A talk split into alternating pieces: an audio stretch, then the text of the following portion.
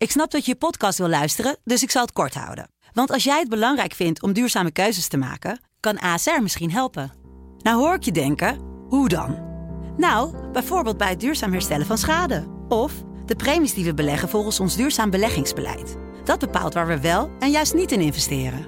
Wil je meer weten over welke duurzame keuzes ASR maakt? Ga dan naar asr.nl slash duurzame keuzes. ASR doet het. Zo, dan kan je nu lekker naar je podcast luisteren.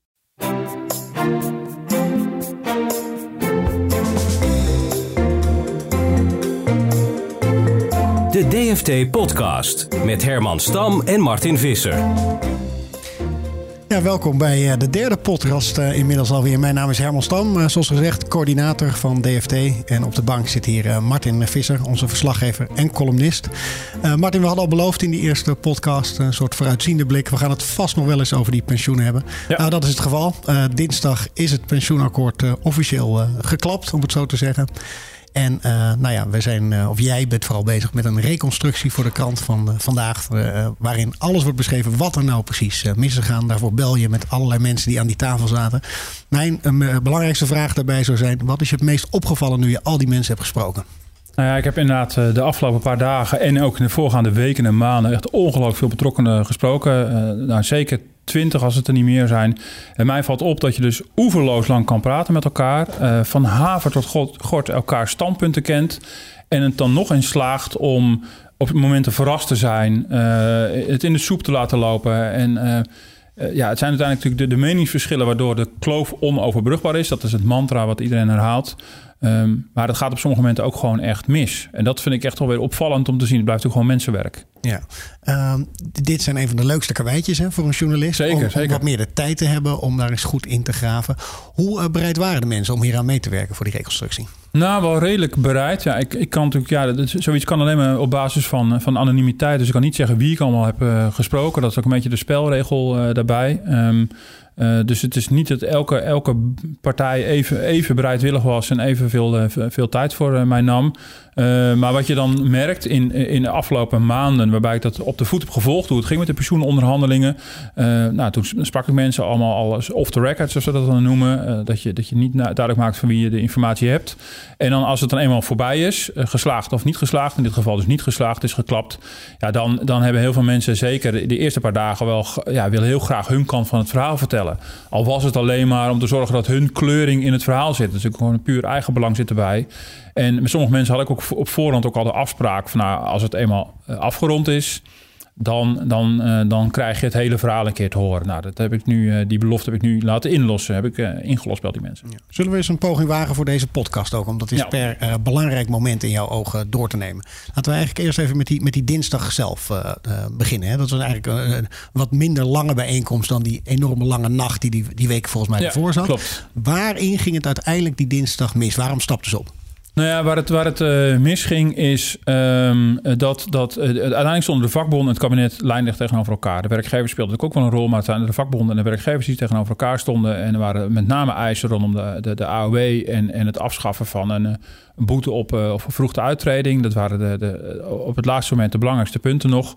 Um, dat de partijen toch niet van elkaar goed genoeg in de gaten hadden of ze al tot het uiterste waren gegaan.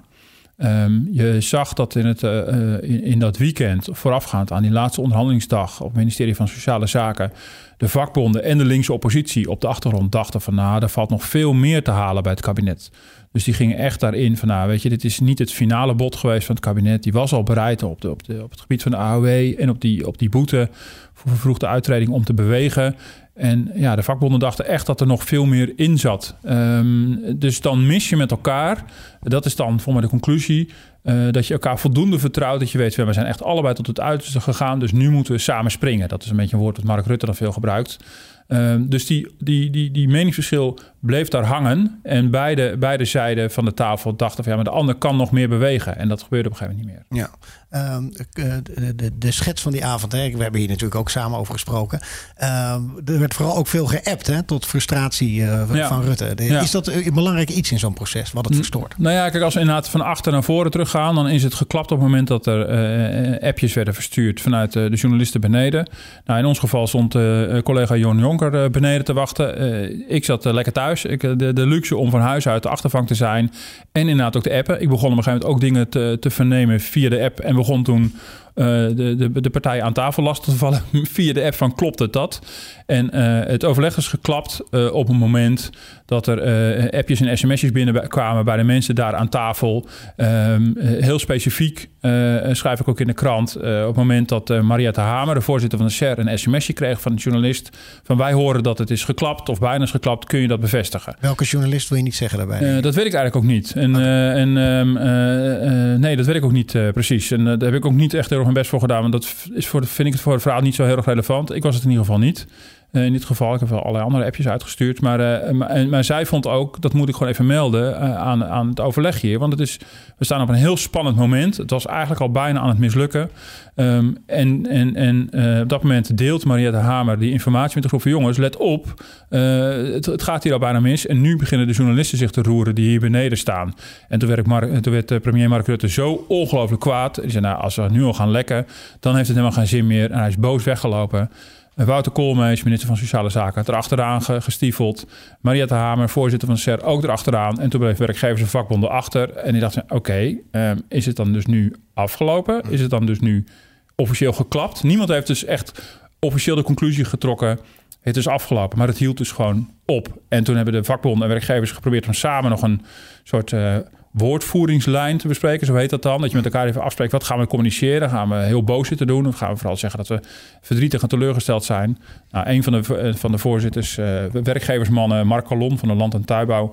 die had het zo mee gehad uh, en die was zo kwaad. Die ging meteen in de lift en die wachtte niet meer op de rest. En ik van, nou, het zal allemaal wel. En die pakte de eerste camera's en toen was het officieel geklapt.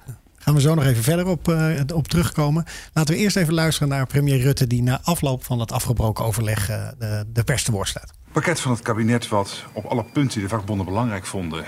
Uh, vergaande tegemoetkomingen deed. We hebben vanavond ook nog een laatste vergaand voorstel gedaan... op het punt van, het, uh, van de zware beroepen. Uh, maar het is helaas niet gelukt. Dit pensioenoverleg is nu geklapt. Je weet nooit dat er nog iemand belt de komende dagen zegt... zullen we verder praten? Dan zijn we uiteraard meteen beschikbaar. Ik verwacht dat nu niet. Het lijkt me echt definitief, maar je weet het nooit. En het kabinet gaat ze nu beraden. Nou, Rutte komt uh, vaak over als een opgewekt persoon. Je hoort hier een paar keer zuchten ook tussen ja. zinnen. Hoe teleurgesteld was hij afloop? Nou, zeer. Zeer. Ja, nee, het was uh, een, een, diepe, diepe teleurstelling. Nou goed, hij was dus ook kwaad over dat er, dat er gelekt werd. En uh, ja, ik vanuit zijn positie natuurlijk ook ongelooflijk goed begrijp. Ik bedoel, het was op dat moment heel spannend. want op dat moment hadden de, de officiële vergadering... het was net na tien uur s'avonds, was ook pas net begonnen. Ik bedoel, die mensen waren al uren binnen... En er waren alleen maar uh, onderlinge overlegjes geweest. één, tweetjes en dergelijke. En, en, en kabinet en vakbonden samen uh, waren altijd tot de conclusie gekomen... ja, wij komen er samen niet uit. We moeten het nu gaan delen aan de hele groep.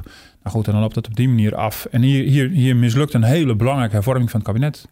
Ik heb hier uh, voor me een boek uh, wat ik nog even weer erbij heb gehad. Vooral als Rutte als uh, onderhandelaar. Dat heet Toponderhandelaars. Daar is Rutte heeft er zelf aan meegewerkt. En daar vertelt hij vooral ook dat partijen bereid moeten zijn om water bij de wijn te doen.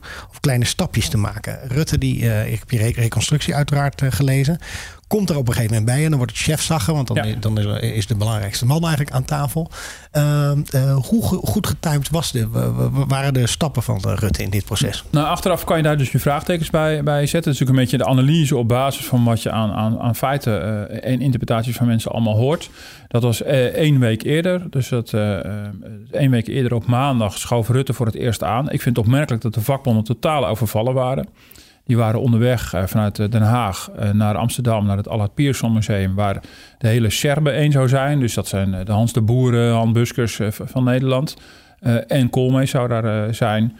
Um, maar terwijl ze in de auto zaten, die vakbondsvoorzitters, kregen ze telefonisch. Mark Rutte is er vanavond ook bij. Ja, en dan verandert natuurlijk op slag de status van zo'n onderhandeling. Dan weet je, oké, okay, het is chefzag, het is het eindspel. We zitten nu in het eindspel. En Mark Rutte heeft daar aan het begin van de vergadering gevraagd, echt typische Rutte uh, uitspraak. Wat hebben jullie nodig om met ons een deal te sluiten? Dus echt een beetje met die gedachte van hoe kan ik, wat je vaker terugleest en hoort over hem, hoe kan ik je comfort bieden? Is ook een vaak gehoord iets. Dus wat heb je nodig? Dus hij dacht van nou, als we nog één, één, twee dingetjes hebben, dan zijn we er. Dan gaan we de sprong wagen. Ook zo'n typische, ook zo'n typische Rutte-uitdrukking. En de vakbonden hadden zich voorbereid, al autorijdend. Uh, die, die, voorzitters hebben elkaar op het heenweg allemaal zitten bellen. Van nou, we gaan nu onze punten op tafel leggen. Die hadden een lijst van nou, zes, zeven, acht punten. Maar net even wie van de vakbondsvoorzitter je spreekt. Maar een enorme lijst met punten. En daar is Mark Rutte zo geweldig van geschrokken. Want hij had heel weinig mandaat meegekregen uit de coalitie om echt te gaan te bewegen. Mm. Dus de, de suggestie werd gewekt door zijn aanwezigheid. nu gaan we een finale deal maken. Dit zouden misschien zelfs vanavond, vannacht kunnen afronden. En het werd uiteindelijk een heel procesmatige vergadering. En dat geeft ook al zo'n domper. Ja, en wij van de media zien natuurlijk, oh, Rutte zit erbij. Dus, dus nu moet het gaan slagen. En mhm. eh, nou, in, in Europa zie je dat natuurlijk ook. Ministers kunnen heel lang bakkeleien. Maar als Angela Merkel zich ermee gaat bemoeien, is het chefzaggen. Ja, dan, dan, dan gaat het niet heel lang meer duren. Want dan staat ook dus de, de, de, de, ja, de prestige van, van de politiek leider op het spel. En dat zag je met Rutte ook niet. Uiteindelijk die maandag, de woensdag, de donderdag en de week erop dinsdag weer moest vergaderen. Ik kan me niet voorstellen dat het het opgezette plan van Mark Rutte was om zoveel vergaderingen bij te wonen. Want dat is eigenlijk de zaak voor zijn minister. Ja, en dat er te veel aandacht op komt al in een te vroeg stadium. Ja, en dat er dan te weinig ruimte is om wat eh, te bieden. Want er is dan vervolgens in, in zo'n hele week is er, is inhoudelijk heel weinig geschoven aan, aan, uh, aan beide kanten. En dan voel je al aan, dit kan gewoon bijna niet goed gaan. Als er blijkbaar zo weinig manoeuvreerruimte is. En het klopt dan ook niet met de, met, met de insteek van Rutte, wat je voorleest uit het boek. Ja, kleine stapjes, maar dit waren wel hele kleine stapjes. Uh, je doet dat op het moment dat je elkaar in de ogen kijkt, elkaar vertrouwt. Ook heel belangrijk. Dat vertrouwen was er absoluut niet. Dat was een diep wantrouwen. Zeker van de vakbonden richting politiek. Uh, als je elkaar vertrouwt en zegt: Oké, als we nou uh, allebei een, een halve stap zetten, dan, dan zijn we bij elkaar en dan is het klaar. En dat gebeurde maar niet. Ja, voor je reconstructie richt je niet al je pijlen op Rutte. Nee, het gaat vooral om processen ook die al eerder plaatsvinden. Wat waren nog meer in jouw ogen belangrijke momenten waarom het nu niet gelukt is? Nou ja, um, um, wat, wat, even verder terug, zonder er heel lang over uit te wijden. Twee dingen zijn uh, toch wel van belang om in gedachten te houden. In 2010 is er al een keer een pensioenakkoord gesloten... waar de FNV destijds bijna aan kopje onder is gegaan. Er is heel veel interne kritiek en, achter, en, en gedoe uit de achterban. Daar is een voorzitter om opgestapt. Maar er zijn wel afspraken gemaakt, ook over de AOW. En die afspraken zijn vervolgens niet meer overgenomen door de politiek. Er zit heel veel oud bij de FNV. Uh, aan de kant van de politiek uh, is iets van recente datum, is de formatie. Bij de formatie in de zomer van, uh, van 2017 hebben de formerende partijen op dat moment in een regeerakkoord opgeschreven waar de polder toen stond. Ze hebben min of meer eigenlijk het polderakkoord, wat toen al bijna af was, overgenomen. Mm de, de polderpartijen schoven ook af en toe aan aan de formatietafel. Dus de politiek dacht ook van, nou, dit hebben we binnen. Dus dat is dat het belangrijkste was dat persoonlijke pensioenpotje. En nog een aantal andere zaken. Um, dat was ook heel cruciaal voor, voor, uh, voor het gevoel van mensen. Dus zodra afgeweken werd van die dingen die in het verleden waren gebeurd, uh, zag je ook dat, dat, dat, dat mensen weer terug gingen grijpen. Van ja, hallo, we hadden toch ooit een afspraak en waarom wijk je daar nu van af? En dat verklaart denk ik deels de, de geringe bereidheid om daarna nog te bewegen. Dus zo'n erfenis blijft dan heel lang, uh, blijft dan heel lang hangen. En nou goed, en dan begin van dit jaar kwam er een enorme draai. Toen het hele pensioen, persoonlijke pensioenpotje ging van tafel. Toen kwam het lek bij ons in de krant. Uh, ja, toen waren de pop aan het dansen natuurlijk. Persoonlijke verhoudingen zijn heel belangrijk erin. Je schetst ook in je reconstructie een verhaal. Uh, nou, eigenlijk hoe iemand uh, van VNO uh, even geholpen moet worden door iemand van de FNV. dat, dat verbaast me. Nou, op een zeker moment lekt dat akkoord dan uit, eind mei van, van dit jaar, bij ons in de krant. Het is een hele kleine groep bekend. Dus dat is, dat, dat is ook al niet goed voor het vertrouwen. Want ze wijzen echt naar elkaar. bij werkgevers VNO denken ze dat de FNV het heeft gedaan en vice versa. Um, en de strategie die dan ontstaat is dat de werkgevers eh, zich gaan distancieren uh, tegenover het kabinet van de stukken. Ze zeggen, nou, dat is allemaal niet officieel en we waren er niet in gekend. Wat allemaal, echt, uh, officieel was het inderdaad niet. Het was, het was echt nog een onderhandelingsresultaat. Maar de, de, de, de VNO-bestuur was er wel degelijk in gekend. En is er in, in juni is een soort afstoomsessie. Om, om stoom af te blazen, dat bedoel ik eh, te zeggen. Uh, waar ook Wopke Hoekstra bij is, waar premier Rutte bij is, waar Koolmees bij is.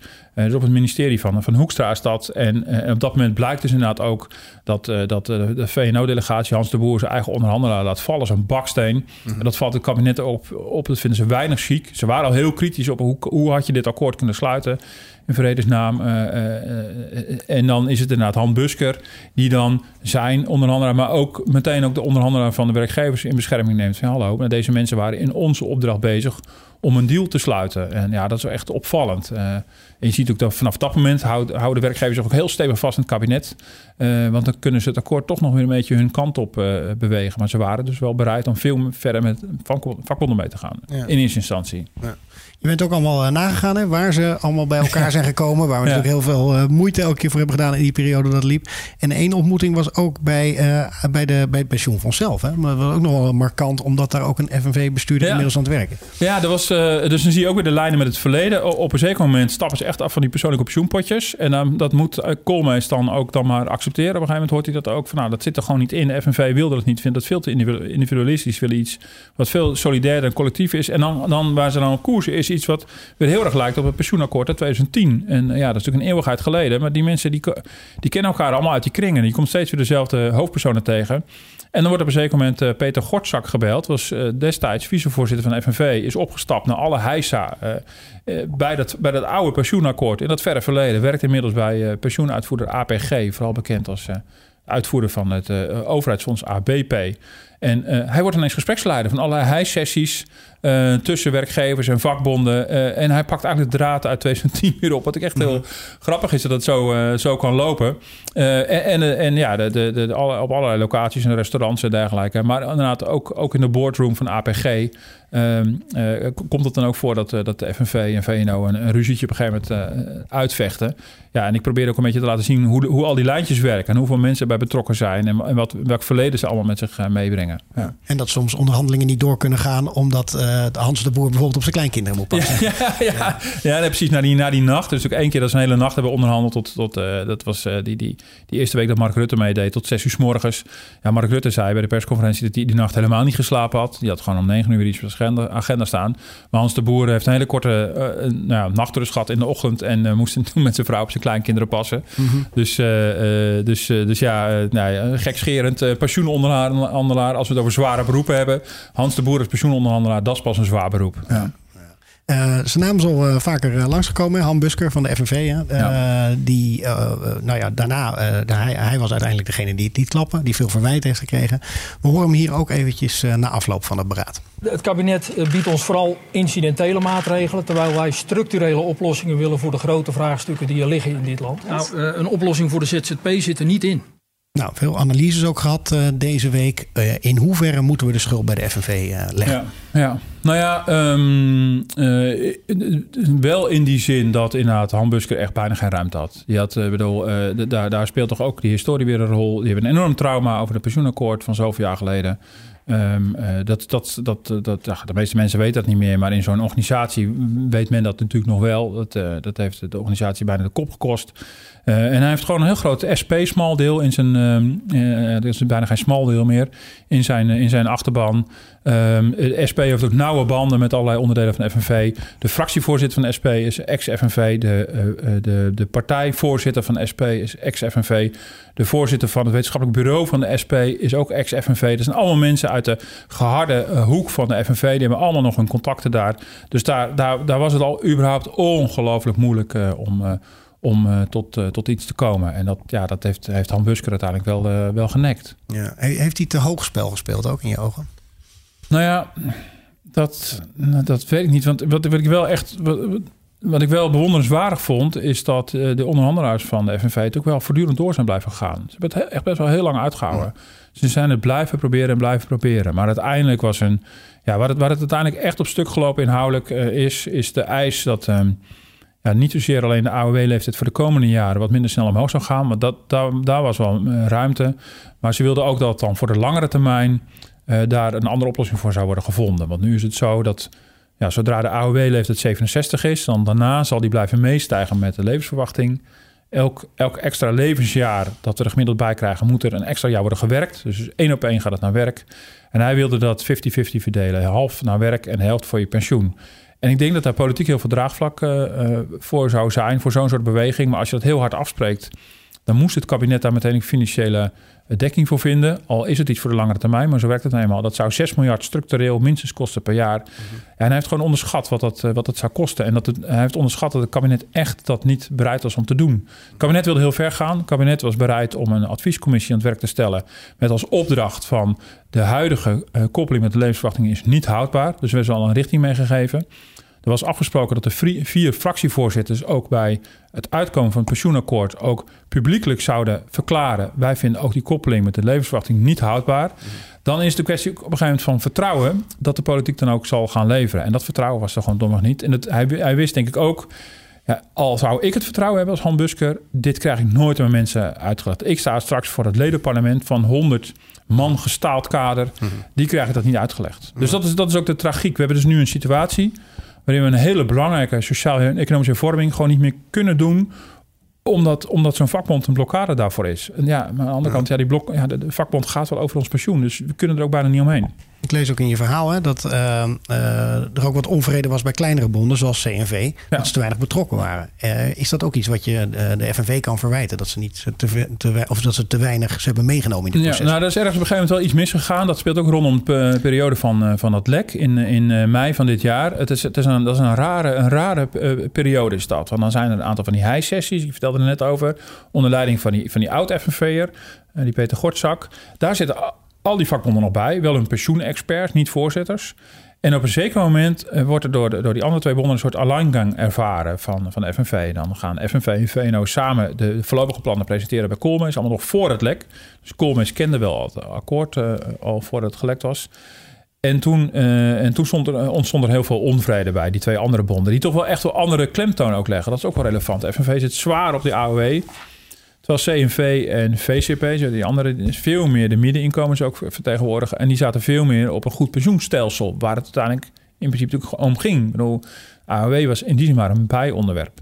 En, uh, nou goed, en toen zag je dat, uh, dat uh, van beide vakbonden na het lek de voorzitters ook mee gingen doen. En die gingen echt achteruit onderhandelen in optiek van de rest. En toen duurde het allemaal langer en langer en langer. dan zie je ook de impact van zo'n lek op, op het hele proces. De impact was enorm. Ja. Je zegt, hè, eh, je moet die onderhandeling nou eenmaal voeren met de vakbonden. Maar je krijgt daarna ook wel verhalen van, ja, moet dat überhaupt nog wel? Want ja. Uh, ja. goed, wat heb je dan aan de tafel? Want ze, willen, ze willen eigenlijk niet eens genoeg water bij de wijn doen. Ja, nou ja, het lastige is, de pensioen is natuurlijk een arbeidsvoorwaarde. Um, uh, en, is dus in die zin vergelijkbaar met het sluiten van een CAO. Je hebt ook gewoon echt pensioen-CAO's.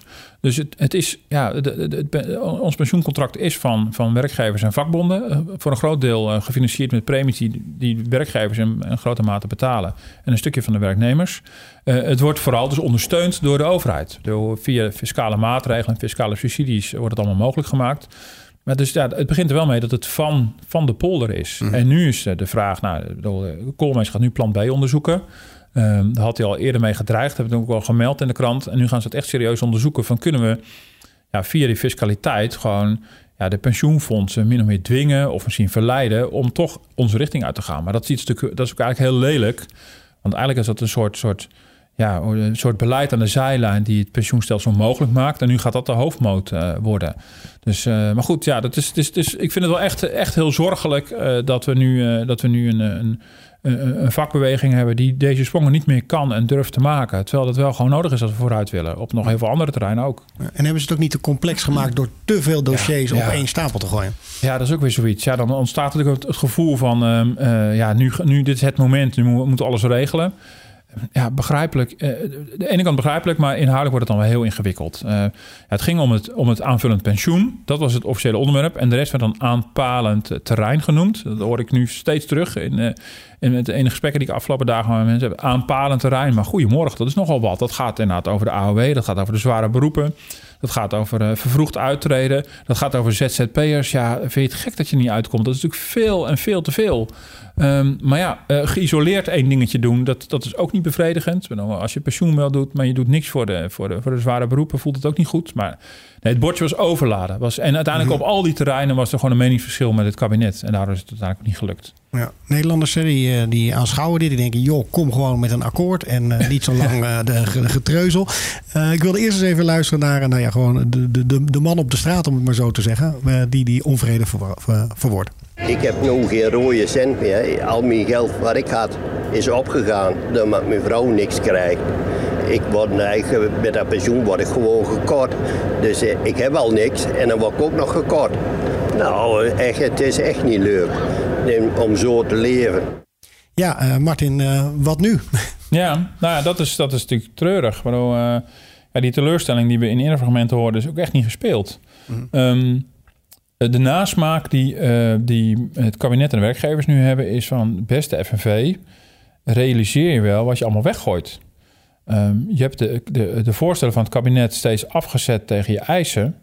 Maar zet die voorstellen van het kabinet eens even af tegen hoe het er nu voor staat.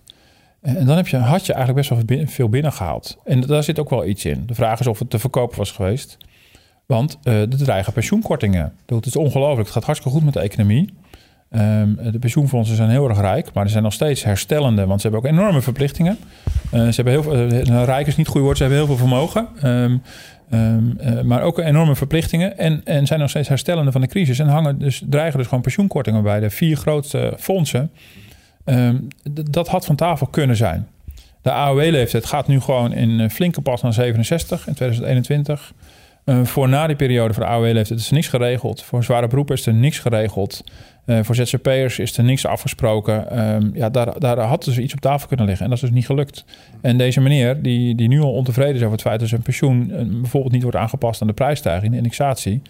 Nou, dat kan hij voorlopig wel vergeten. Het spijt me verschrikkelijk. Maar dat gaat dus dat gaat niet veranderen. Moet er niet nog wat meer druk op het proces eigenlijk zijn? Er, zijn, ja. er staan, er zijn verkiezingen volgend jaar. Ja. Heb je kans dat daarna toch weer iedereen aan tafel gaat? Ja, maar ik ben wel benieuwd welke kant dan uitbeweegt. Ik bedoel, en dat was ook wel, dat speelde op de achtergrond speelde de linkse oppositie natuurlijk ook wel een rol. De vakbonden durfden niet te springen als links niet meeging. Want die dachten van ja, dan staan wij straks die gure wind op te vangen bij een akkoord. En, en de SP en de PvdA zitten dan lekker oppositie te voeren. Ook tegen ons. Dat zal ons niet gebeuren. Uh, en voor de linkse oppositie is het natuurlijk heel relevant dat er in maart verkiezingen zijn voor de Provinciale Staten. Dat leidt tot een nieuwe Eerste Kamer. En dan gaat mogelijk dit kabinet zijn, uh, zijn krappe meerderheid uh, verliezen. En dan ontstaat een nieuw politiek momentum. Maar ik vraag me dan af welk, welke kant dan op. stel dat Rutte zijn meerderheid houdt. Um, dan is er feitelijk niet zoveel veranderd met nu. Uh, stel dat Rutte's meerderheid verliest, dan wordt het alleen maar lastiger. Dan zal, dan zal de, de, de, de linkse oppositie meer tevreden moeten worden gesteld. Dan zou het kabinet dus nog veel meer moeten bewegen. Mm -hmm. En nog veel meer uh, uit moeten trekken om, uh, om een akkoord te sluiten. Dus er ontstaat wel een nieuw moment. En ik merk ook wel, nu ik de afgelopen dagen veel mensen heb gesproken. Zo werkt de polder ook. Ze zijn nu allemaal boos op elkaar. Er zijn vergaderingen afgezegd. Sergebouw is, is, is uitgestorven, bij wijze van spreken. Er zijn echt vergaderingen gewoon allemaal afgezegd. En mensen hebben ja, moeten we elkaar nog bellen? Of ik heb er even helemaal geen trek in. Maar op een gegeven moment, na een paar weken, trekt het er weer bij. Dan zoeken ze elkaar weer op.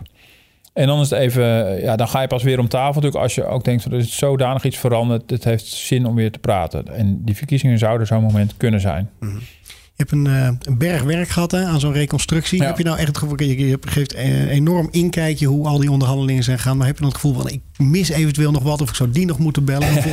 nou, dat is dus natuurlijk een, een puzzel die je nooit helemaal legt. Ik bedoel, er zijn wel heel veel kwartjes gevallen zo de afgelopen week. Ik denk, oh, ik, over, over die high-sessies waar we het eerst over hadden. Ik, ik sprak één bron en uh, die zei van ja, die high-sessies onder de leiding van de goede voorzitter. En ik vraag van, nou, wie is dat dan? En dat was het antwoord, nou, dat ga ik je niet vertellen als je dat nog nu nog niet weet.